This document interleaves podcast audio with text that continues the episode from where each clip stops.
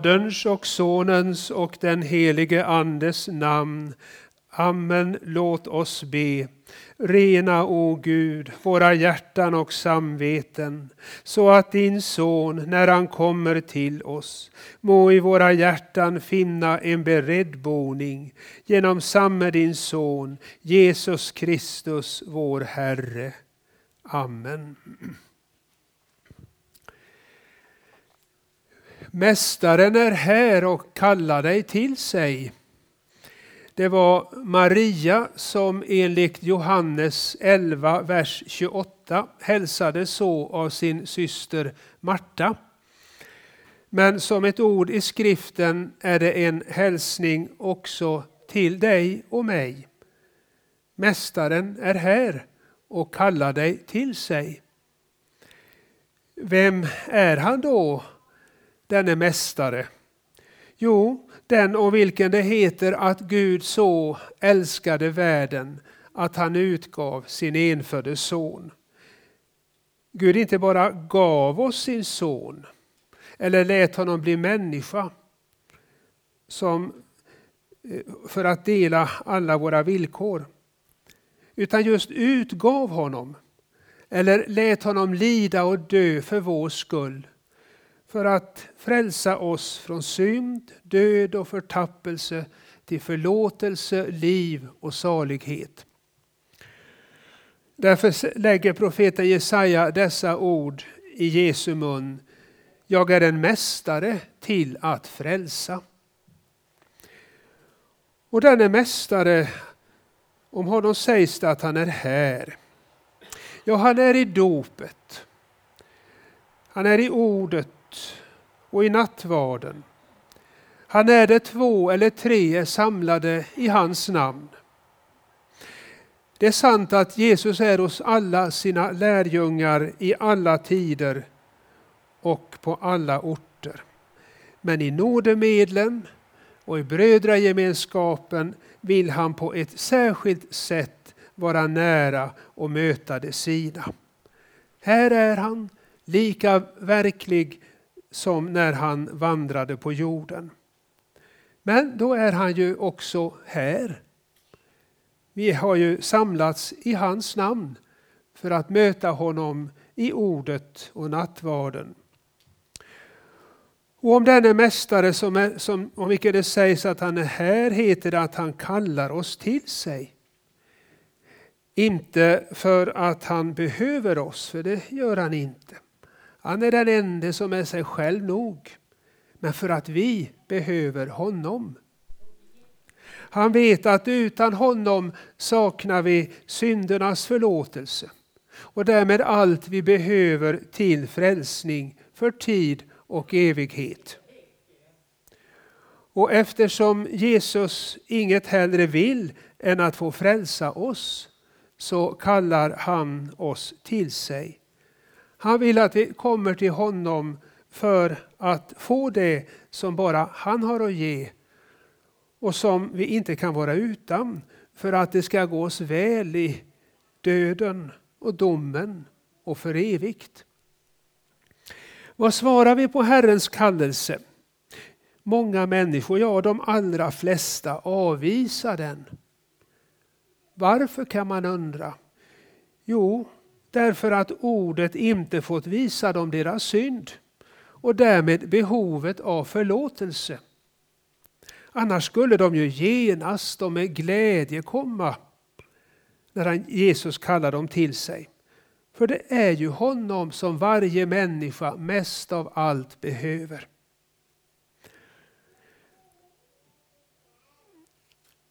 Därför är det så olyckligt när människor avvisar hans kallelse. Varken i nattvarden eller någon annanstans kan Jesus då vara för dem den frälsare till att hjälpa som han är i sig själv och vill vara för alla. Ja, men jag har aldrig fått någon kallelse. Händer det att människor invänder? Vad svarar vi? Jo, ett svar kan vara detta. Ta fram ditt dopbevis. Eller något annat dokument som, visar att du är döpt Där har du skriftligt på att Mästaren kallat och kallar dig till sig. Och varje gång du kommer i kontakt med ett rent och klart och rätt delat Guds ord så är Mästaren där med sin kallelse. Ja, så sant som du är en av dem som han har gått i döden för och i dopet förenat sig med och talar sitt levande ord till dig, så gäller Mästaren är här och kallar dig till sig.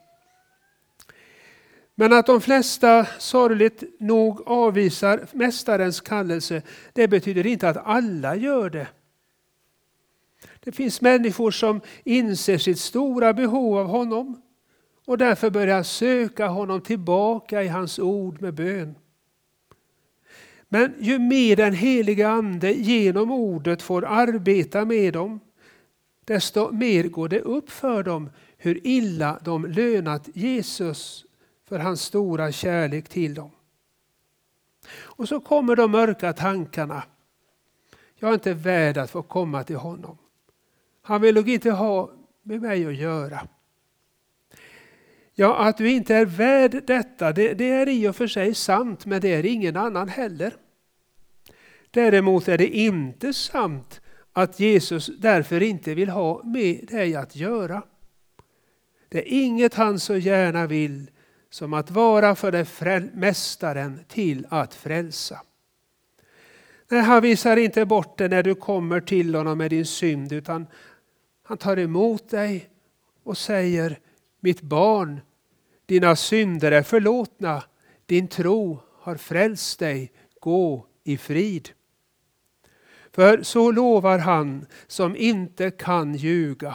Den som kommer till mig skall jag, ska jag aldrig någonsin kasta ut. Det löftet håller han också i nattvarden. Ja, Mästaren är här och kallar dig till sig. Hans tron är i himmelen, ja, men han är också hos dem som är ödmjuka och ångerfulla. Han hör deras bekännelse och vänder sig till deras bön.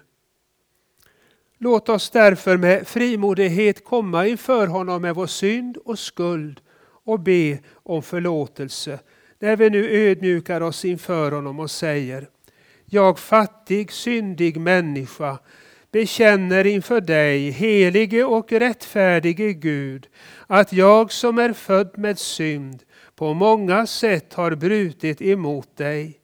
Jag har inte älskat dig över allting och inte min nästa som mig själv. Mot dig och dina bud har jag syndat med tankar, ord och gärningar. Jag är värd att förkastas från ditt ansikte om du skulle döma mig som mina synder har förtjänat.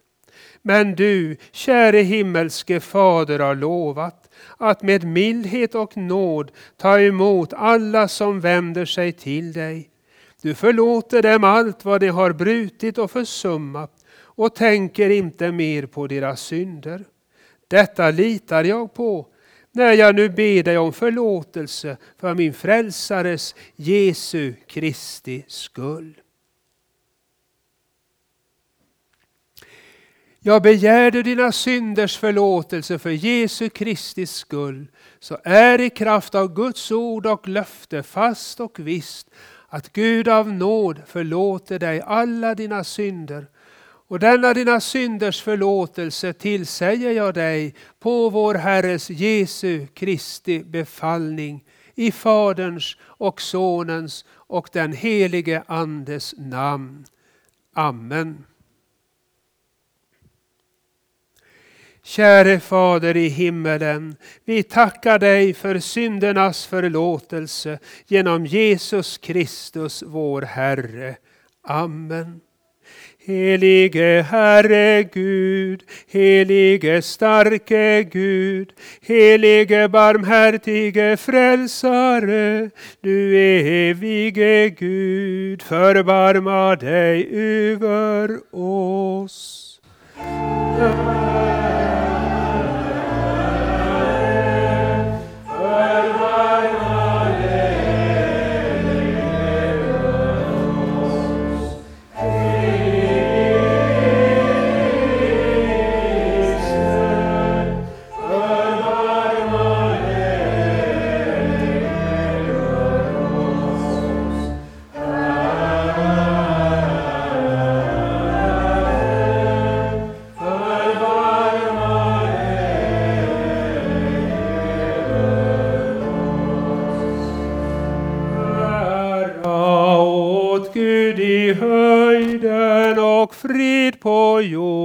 Jorden bland människor som han älskar.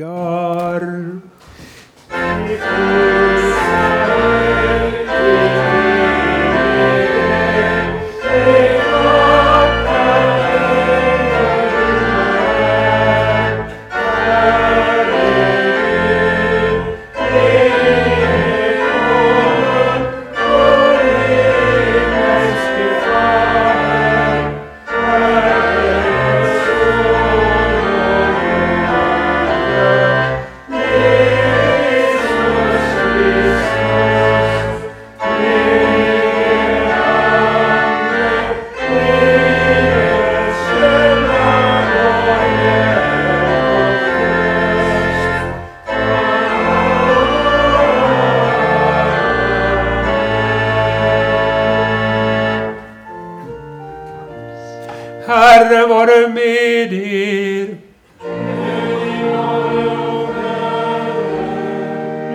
oss bedja.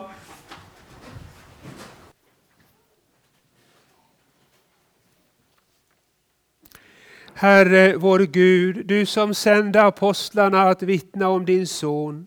Hjälp oss som genom deras ord kommer till tro på vår frälsare att i ord och handling förkunna dina härliga gärningar så att alla folk får se din frälsning genom din son Jesus Kristus vår Herre. Amen. Hör Herrens ord i tredje årgångens läsningar på apostladagen och först den gammaltestamentliga läsningen ifrån första Samuelsbokens tredje kapitel. Pojken Samuel gjorde tjänst inför Herren hos Eli. På den tiden var Herrens ord sällsynt. Profetsyner var inte vanliga. Då hände en gång detta medan Eli låg på sin plats. Hans ögon hade börjat bli skumma så att han inte kunde se. Guds lampa hade ännu inte slocknat och Samuel låg i Herrens tempel, där Guds ark stod. Då kallade Herren på Samuel. Här är jag, svarade Samuel. Sedan skyndade han bort till Eli och sade, Här är jag, du ropade på mig. Men han svarade, jag har inte ropat, gå och lägg dig igen. Och han gick och lade sig. Herren kallade än en gång på Samuel, och Samuel steg upp och gick till Eli och sade, Här är jag, du ropade på mig. Men han svarade, Jag har inte ropat, min son, gå och lägg dig igen. Samuel kände inte Herren än, och Herrens ord hade ännu inte blivit uppenbarat för honom. Herren kallade på Samuel för tredje gången, och han steg upp och gick till Eli och sade, Här är jag, du ropade på mig. Då förstod Eli att det var Herren som kallade på den unge pojken. Därför sade han till Samuel, Gå och lägg dig, och om han ropar på dig, så säg, Tala, Herre, din tjänare hör. Och Samuel gick och lade sig på sin plats. Då kom Herren och ställde sig där och ropade som förut, Samuel, Samuel. Och Samuel svarade, Tala, din tjänare hör. Så ber vi dagens salta psalm växelvis så att församlingen ber de indragna verserna. Halleluja, salig är den som vördar Herren och som har stor glädje i hans bud. Hans ättlingar blir mäktiga på jorden. Det blir välsignat. Rikedom och välstånd råder i hans hus. Hans rättfärdighet består för evigt. Det.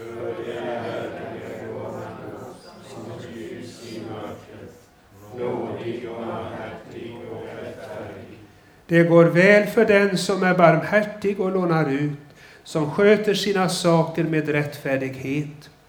Han ska aldrig vackla, Han är inte rädd för olycksbud. Hans hjärta är frimodigt och litar på Herren. Hans hjärta är tryggt och utan fruktan. Till sist får han se sina fiender falla. Han strör ut, han ger åt de fattiga. Hans rättfärdighet består för evigt. Hans horn ska höjas högt med ära. Den Gud han mista tänder och tyna bort. Det gudlösas begär leder ingenting av. Ära vare Fadern och Sonen och den helige Ande, så som det var av begynnelsen, nu är och skall vara, från evighet till evighet. Amen. Hör så Herrens ord i dagens epistel, som också är vår predikotext, så står skrivet i Första Korintierbrevets tolfte kapitel. Kroppen är en och har många delar, men trots att kroppens alla delar är många utgör de en kropp. Så är det också med Kristus. I en och samma ande är vi alla döpta för att höra till en och samma kropp, vare sig vi är judar eller greker, slavar eller fria. Och vi har alla fått en och samma ande utgjuten över oss. Kroppen består ju inte av en enda kroppsdel, utan många. Om foten sade ”Jag är inte hand”, så jag hör inte till kroppen, så hör den ändå till kroppen.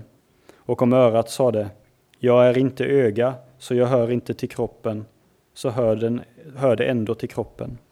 Om hela kroppen vore öga, var fanns då hörseln? Om allt vore hörsel, var fanns då luktsinnet?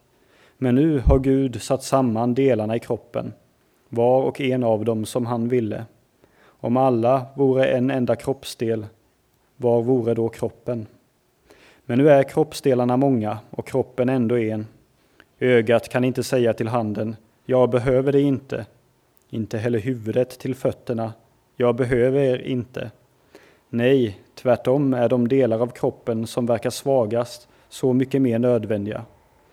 Och de delar av kroppen som vi tycker är värda mindre heder klär vi med så mycket större heder. Och de som vi blygs för skyler vi med så mycket större anständighet, något som våra anständigare delar inte behöver.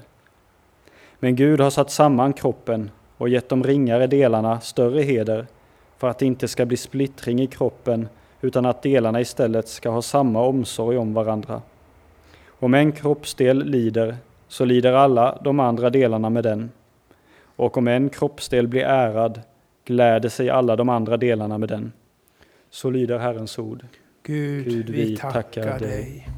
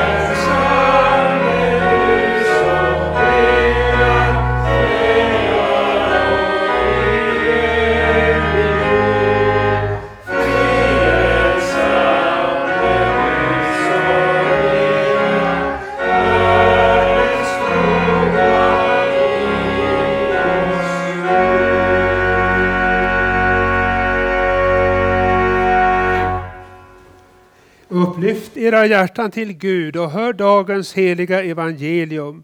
Så står skrivet i Markus tredje kapitel. Jesus och hans lärjungar drog sig undan ner mot sjön och en stor skara från Galileen följde efter. Också från Judeen, Jerusalem, Idumeen och från andra sidan Jordan och området runt Tyrus och Sidon kom folk till honom i stora skaror när de hörde talas om allt han gjorde. Jesus sade åt sina lärjungar att hålla en båt redo för honom så att han inte skulle bli trängd av folkmassan, för han botade så många att alla som led av någon plåga trängde sig in på för att få röra vid honom. När de orena andarna såg honom kastade de sig ner för honom och ropade Du är Guds son. Men han förbjöd dem strängt att avslöja vem han var. Jesus gick sedan upp på berget och kallade till sig dem som han hade utvalt och de kom till honom. Han utsåg tolv som han kallade apostlar. De skulle vara hos honom och han skulle sända ut dem att predika och ha makt att driva ut onda andar.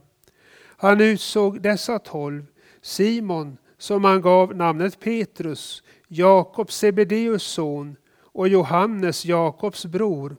Dem kallade han Boanerges, det betyder åskans söner. Dessutom Andreas, Filippus, Bartolomeus, Matteus, Thomas, Jakob, Alfeus son, Taddeus, Simon Seloten och Judas Iskariot, han som förrådde honom. Så lyder det heliga evangeliet. Lovad vare du Kristus. Låt oss nu tillsammans bekänna vår heliga kristna tro. Vi tror på Gud Fader allsmäktig, himmelens och jordens skapare.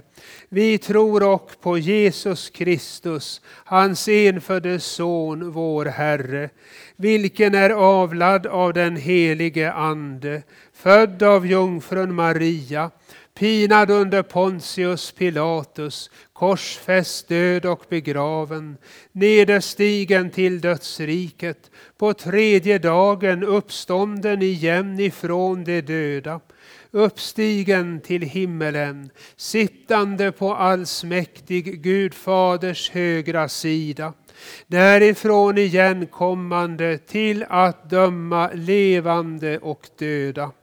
Vi tror också på den helige Ande, en helig allmännelig kyrka, det heliga samfund, syndernas förlåtelse, det dödas uppståndelse och ett evigt liv.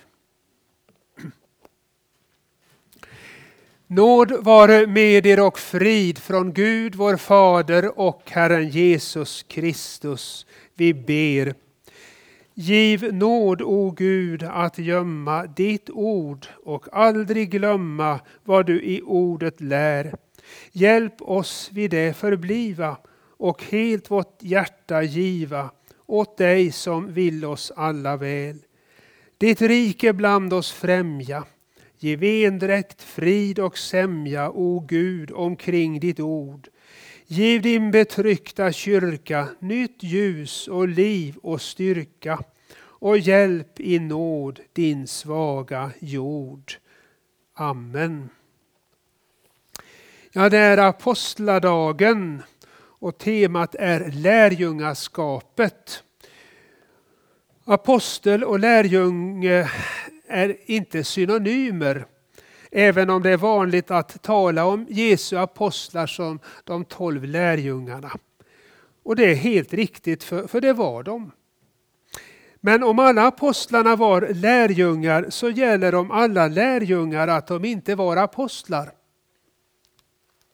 Om dagens evangelium fokuserar på apostlarna, deras personer och verksamhet, så är episteltextens fokus istället lärjungarna i ordets vidare bemärkelse. Det vill säga alla som, och här citerar jag katekesutvecklingen, alla som eh, genom dopet är upptagna i Jesu Kristi församling och med församlingen tror och bekänner honom vara deras frälsare och saliggörare. Och som vi hörde så är det den egenskapen hos en Jesu lärjunge som episteltexten lyfter fram, att han är ett med Kristus. Jag ska tala om det idag, en Jesu lärjunge som ett med Kristus. Först en Jesu lärjunge blir och förblir ett med Kristus genom den tro som Guds ande verkar och håller vid liv. En Jesu lärjunge blir och förblir ett med Kristus genom den tro som Guds ande eh, verkar och håller vid liv. Aposteln talar i texten om förhållandet mellan Kristus och hans trogna men också om de trognas förhållande till varandra. När aposteln ska beskriva förhållandet mellan Kristus och hans trogna tar han människohjälpen, förlåt, människokroppen till hjälp. Han säger att som kroppens alla delar utgör en kropp, fastän lemmarna är både många och olika, så är alla Jesu lärjungar ett med Kristus. Av naturen står människan utanför Kristi kropp. Hon har inget liv av hans liv. Hon är i sig själv andligt död. Hur blir hon då en del i Kristi kropp? Jo, genom tron. Men hon kan inte själv ta sig den tro som gör att hon blir ett med Kristus. Varken den djupsinnigaste tankeverksamhet eller de ihärdigaste ansträngningar förslår här något. Det stämmer med såväl Guds ord som varje Jesu lärjunges erfarenhet som det står i förklaringen till tredje trosartikeln.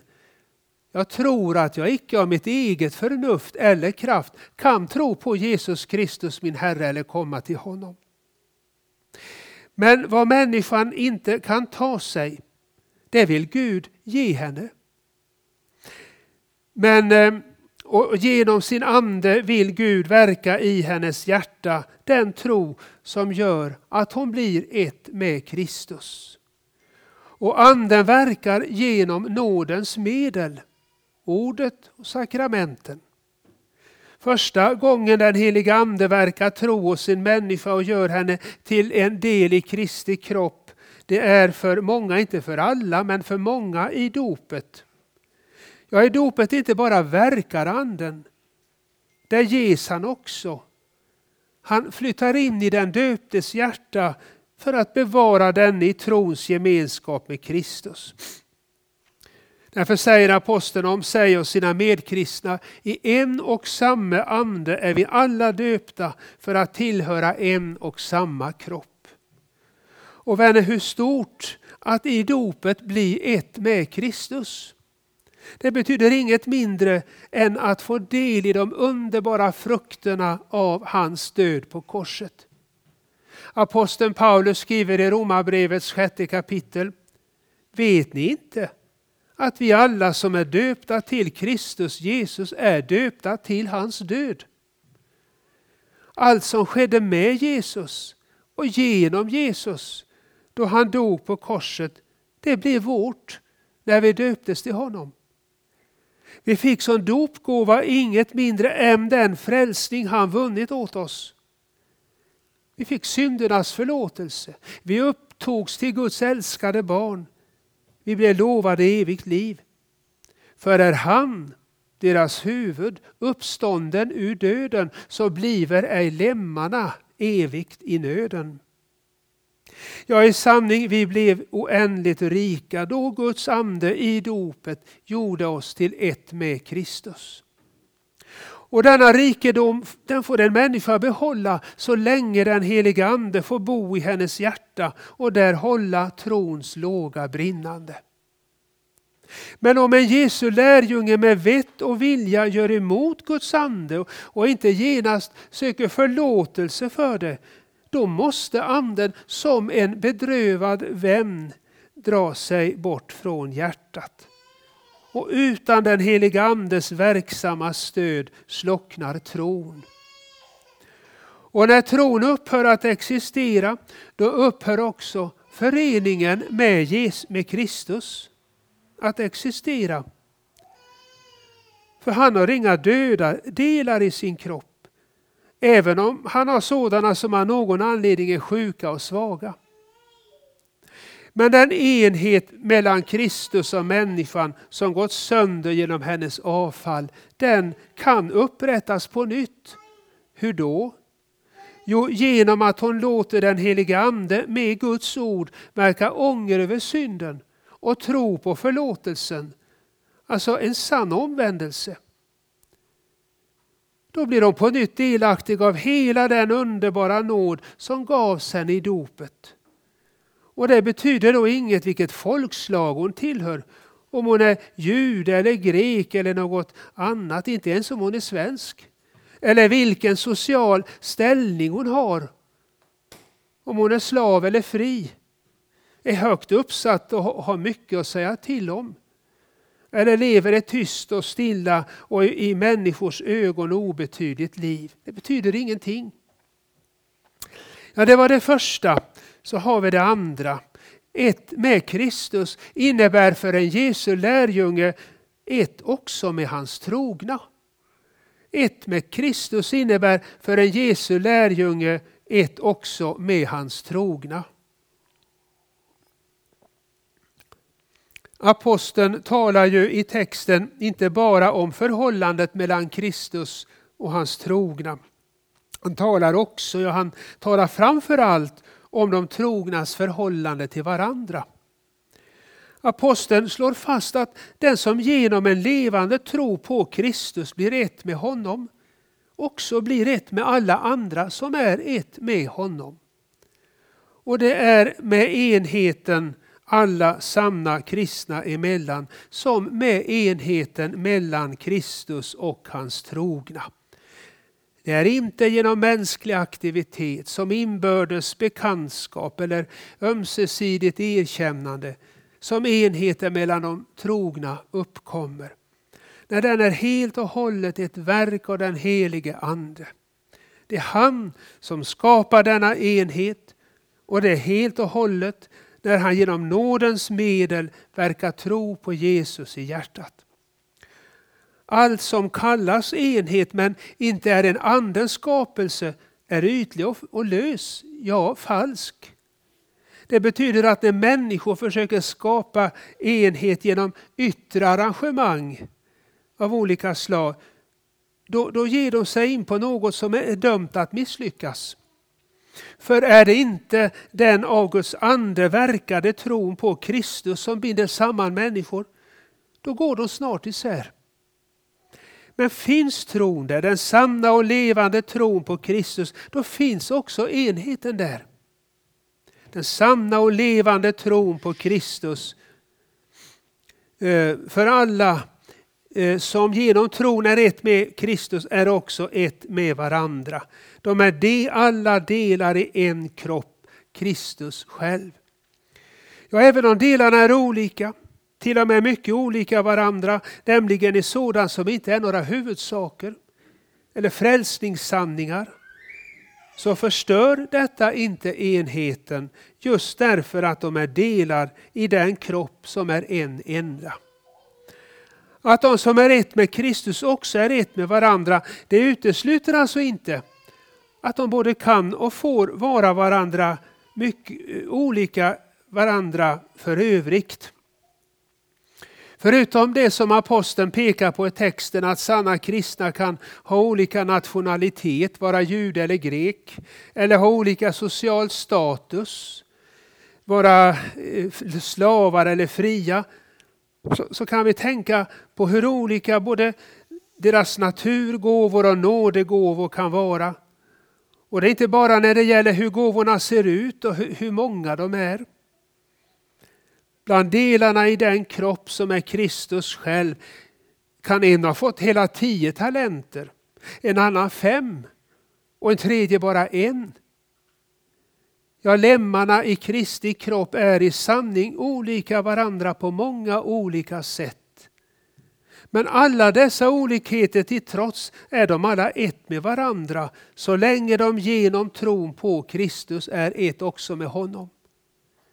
Alldeles som kroppens alla delar är många och ändå utgör en kropp.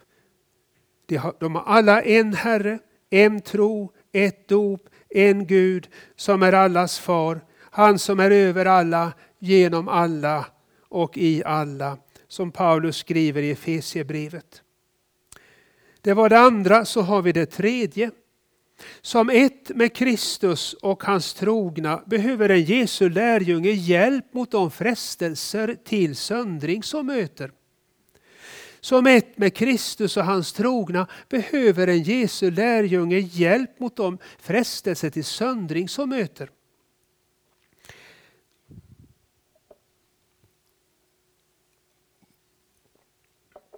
Visst kan en kropp leva även om en eller annan del är borta. Men vilket avbräck innebär det inte för kroppen som helhet om den saknar hand eller fot, syn eller hörsel? Också Kristi kropp kan leva om några av dess lemmar drar sig undan. Men det kan inte ske utan förlust både för den som drar sig undan och för hela församlingen. Ett sådant undandragande kan ske i falsk ödmjukhet.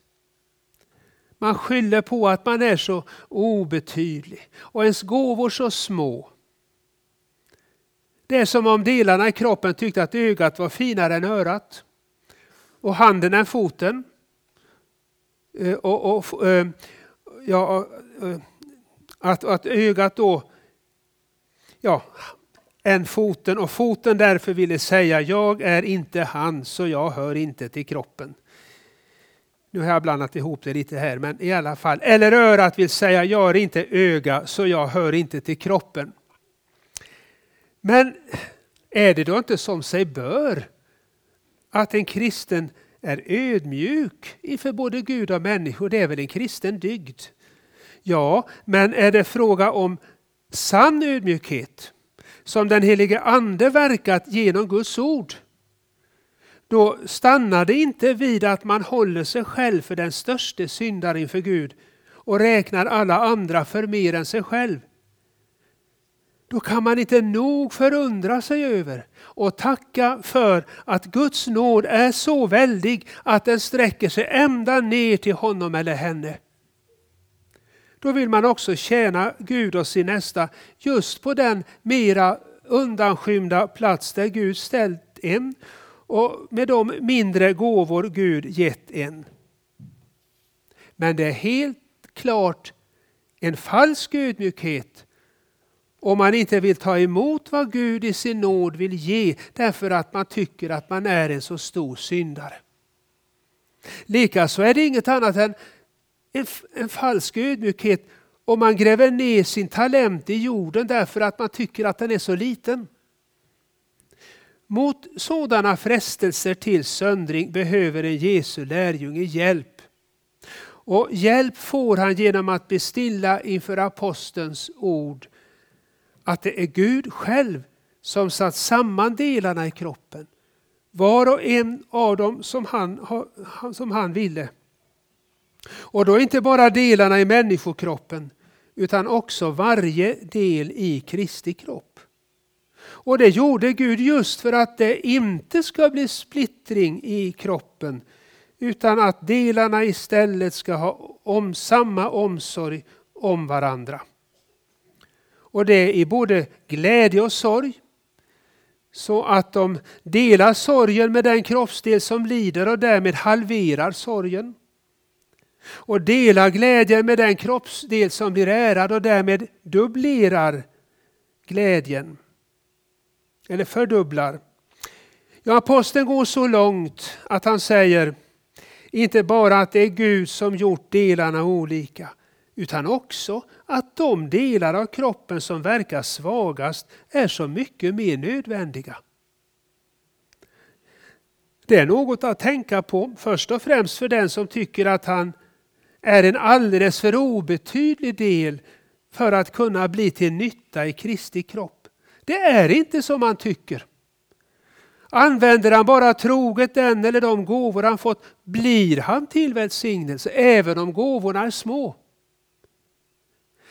Men detta att det är Gud som fogat samman kroppen på det sätt han har gjort och gett varje del dess särskilda uppgift.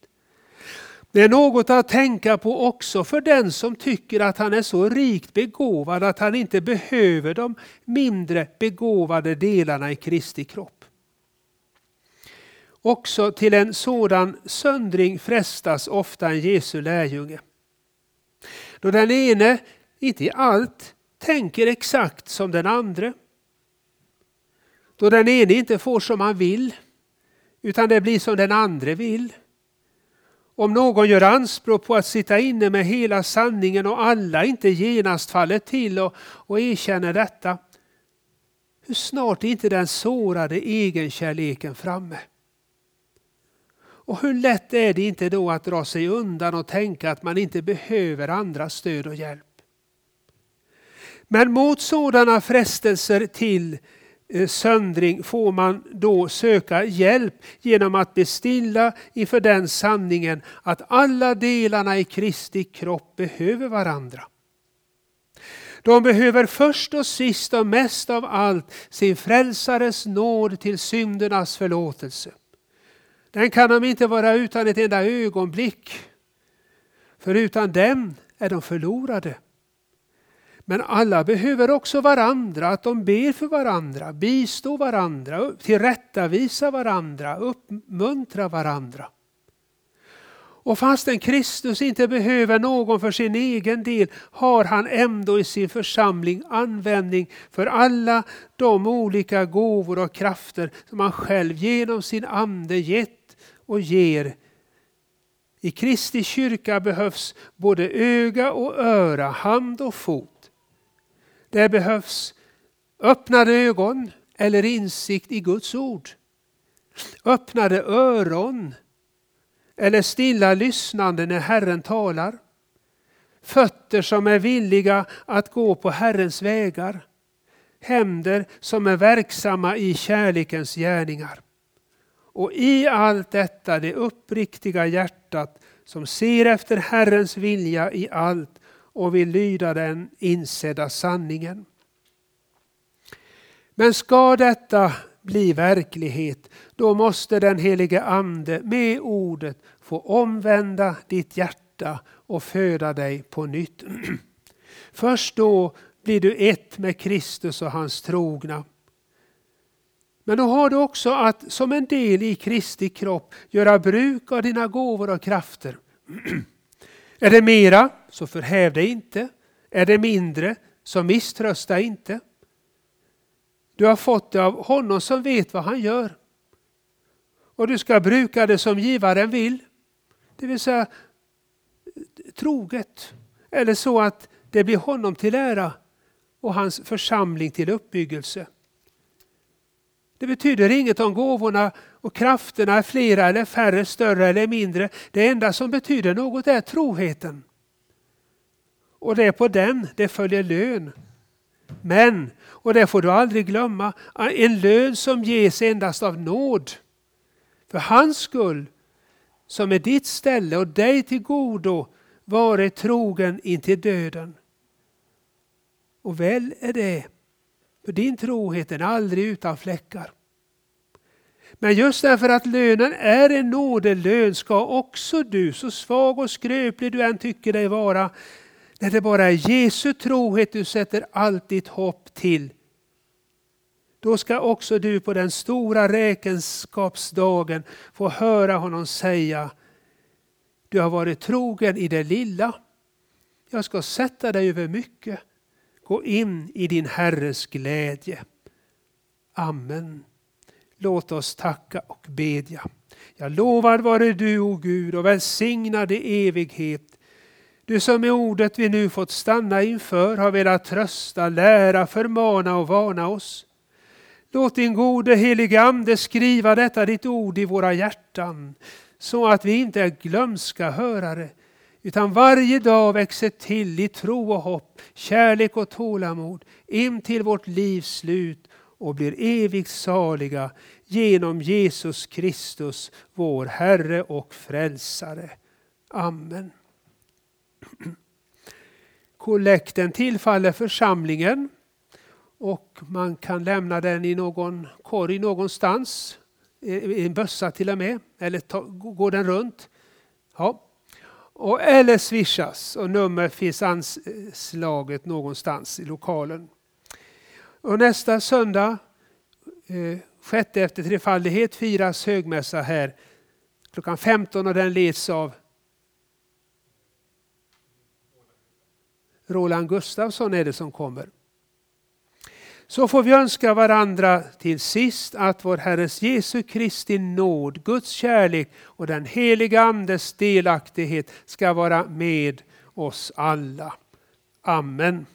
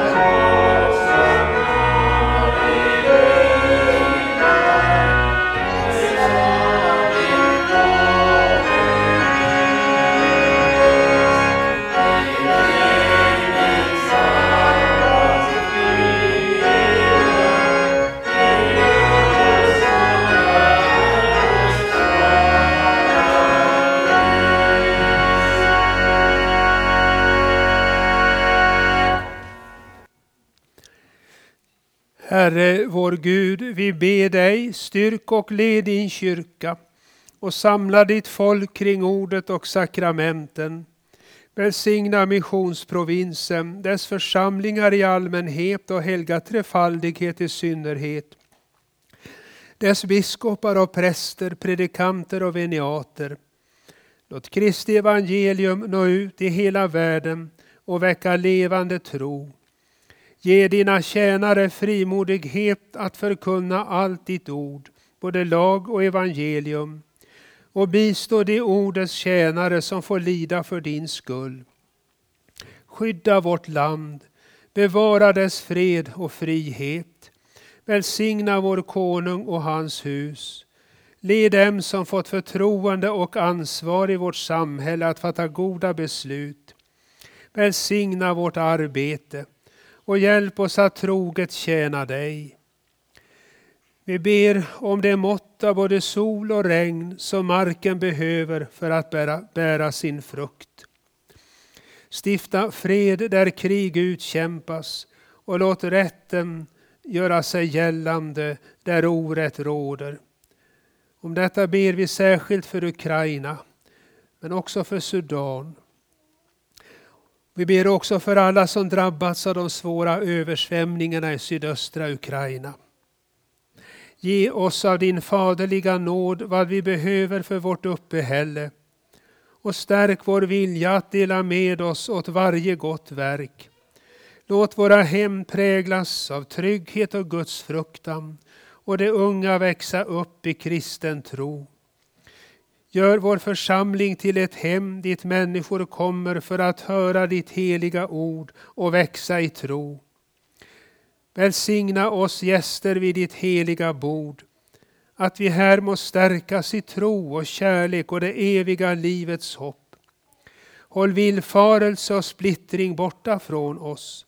Kom Herre till de sjuka, sörjande och ensamma. Särskilt ber vi för dem som vi nu tyst nämner inför dig.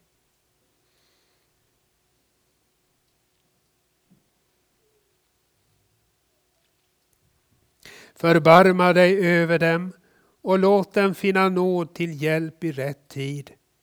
Sänd oss till dem som behöver vår omtanke och vårt stöd.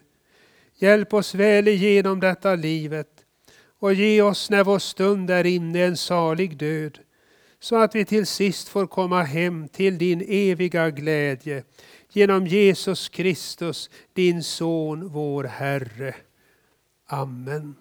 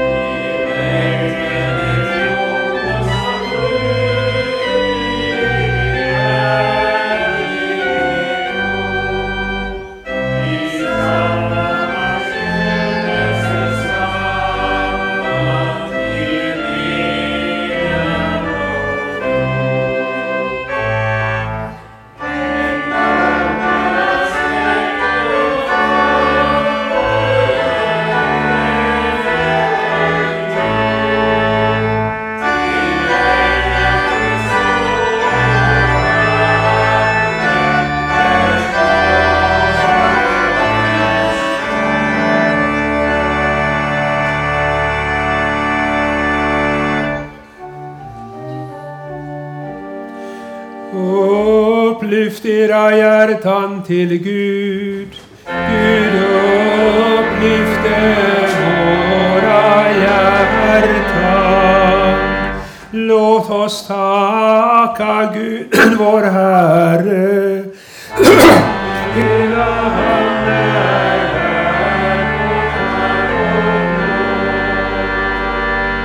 Ja, sannerligen du ensam är värd vårt lov. Allsmäktige Fader, helige Gud. Dig vill vi prisa och välsigna genom Jesus Kristus, vår Herre. Han är det levande brödet som kommit ned från himmelen för att ge världen liv. Den som kommer till honom skall aldrig hungra och den som tror på honom skall aldrig någonsin törsta. Därför vill vi med dina trogna i alla tider och med hela den himmelska härskaran prisa ditt namn och till bedjande sjunga.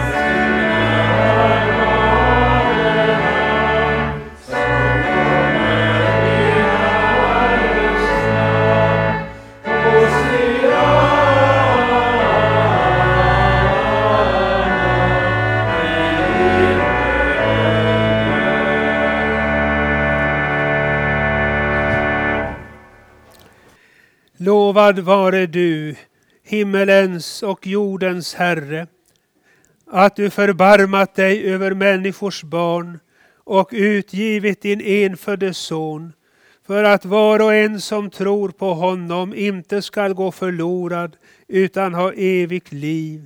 Vi tackar dig för den frälsning du skänkt oss genom Jesus Kristus. Bered oss genom din helige Ande att rätt ta emot honom när han kommer till oss i sin heliga nattvard. Den natt då vår Herre Jesus Kristus blev förrådd tog han ett bröd, tackade Gud, bröt det och gav åt lärjungarna och sade Tag och ät, detta är min kropp som blir utgiven för er. Gör detta till min åminnelse. Likaså tog han kalken, tackade Gud och gav åt lärjungarna och sade, drick av den alla. Denna kalk är det nya förbundet i mitt blod, som blir utgjutet för många till syndernas förlåtelse. Så ofta ni dricker av den, gör det till min åminnelse. Din död förkunnar vi, Herre, din uppståndelse bekänner vi till dess du kommer åter i härlighet. Himmelske Fader, skänk oss i denna måltid de välsignade frukterna av din Sons lidande och död, uppståndelse och himmelsfärd. Ge oss liv av hans liv, så att han förblir i oss och vi i honom. I väntan på hans återkomst i härlighet ber vi den bön som han har lärt oss. Fader vår som är i himmelen. Helgat var det ditt namn. Tillkomme ditt rike. Ske din vilja så som i himmelen, så och på jorden. Vårt dagliga bröd giv oss idag och förlåt oss våra skulder så som och vi förlåta dem oss skyldiga äro och inled oss icke i frestelse, utan fräls oss ifrån ondo. Ty riket är ditt och makten och härligheten i evighet. Amen. Brödet som vi bryter är en delaktighet av Kristi kropp. Så är vi, fastän många, en enda kropp, ty alla får vi del av ett och samma bröd. Herrens frid vare med er.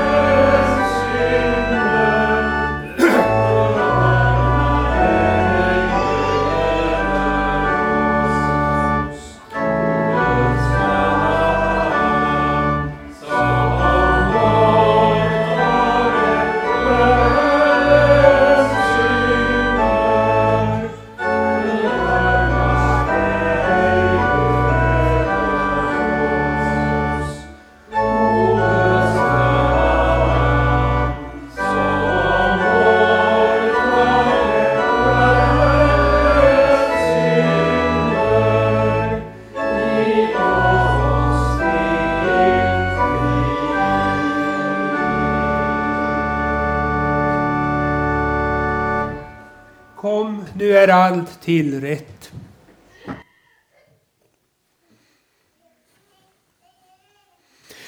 Låt oss tacka och bedja.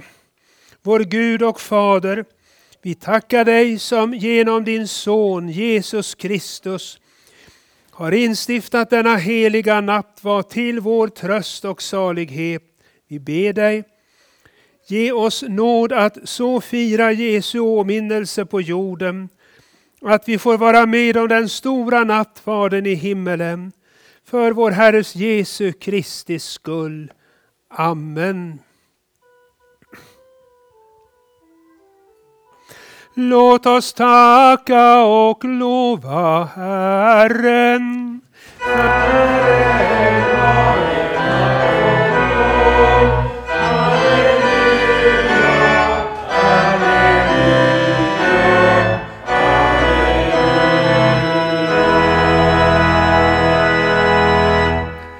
Tag emot Herrens välsignelse. Herren välsigne er och bevare er.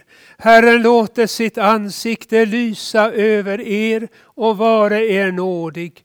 Herren vände sitt ansikte till er och give er frid. I Faderns och Sonens och den helige Andes namn. Amen, amen, amen.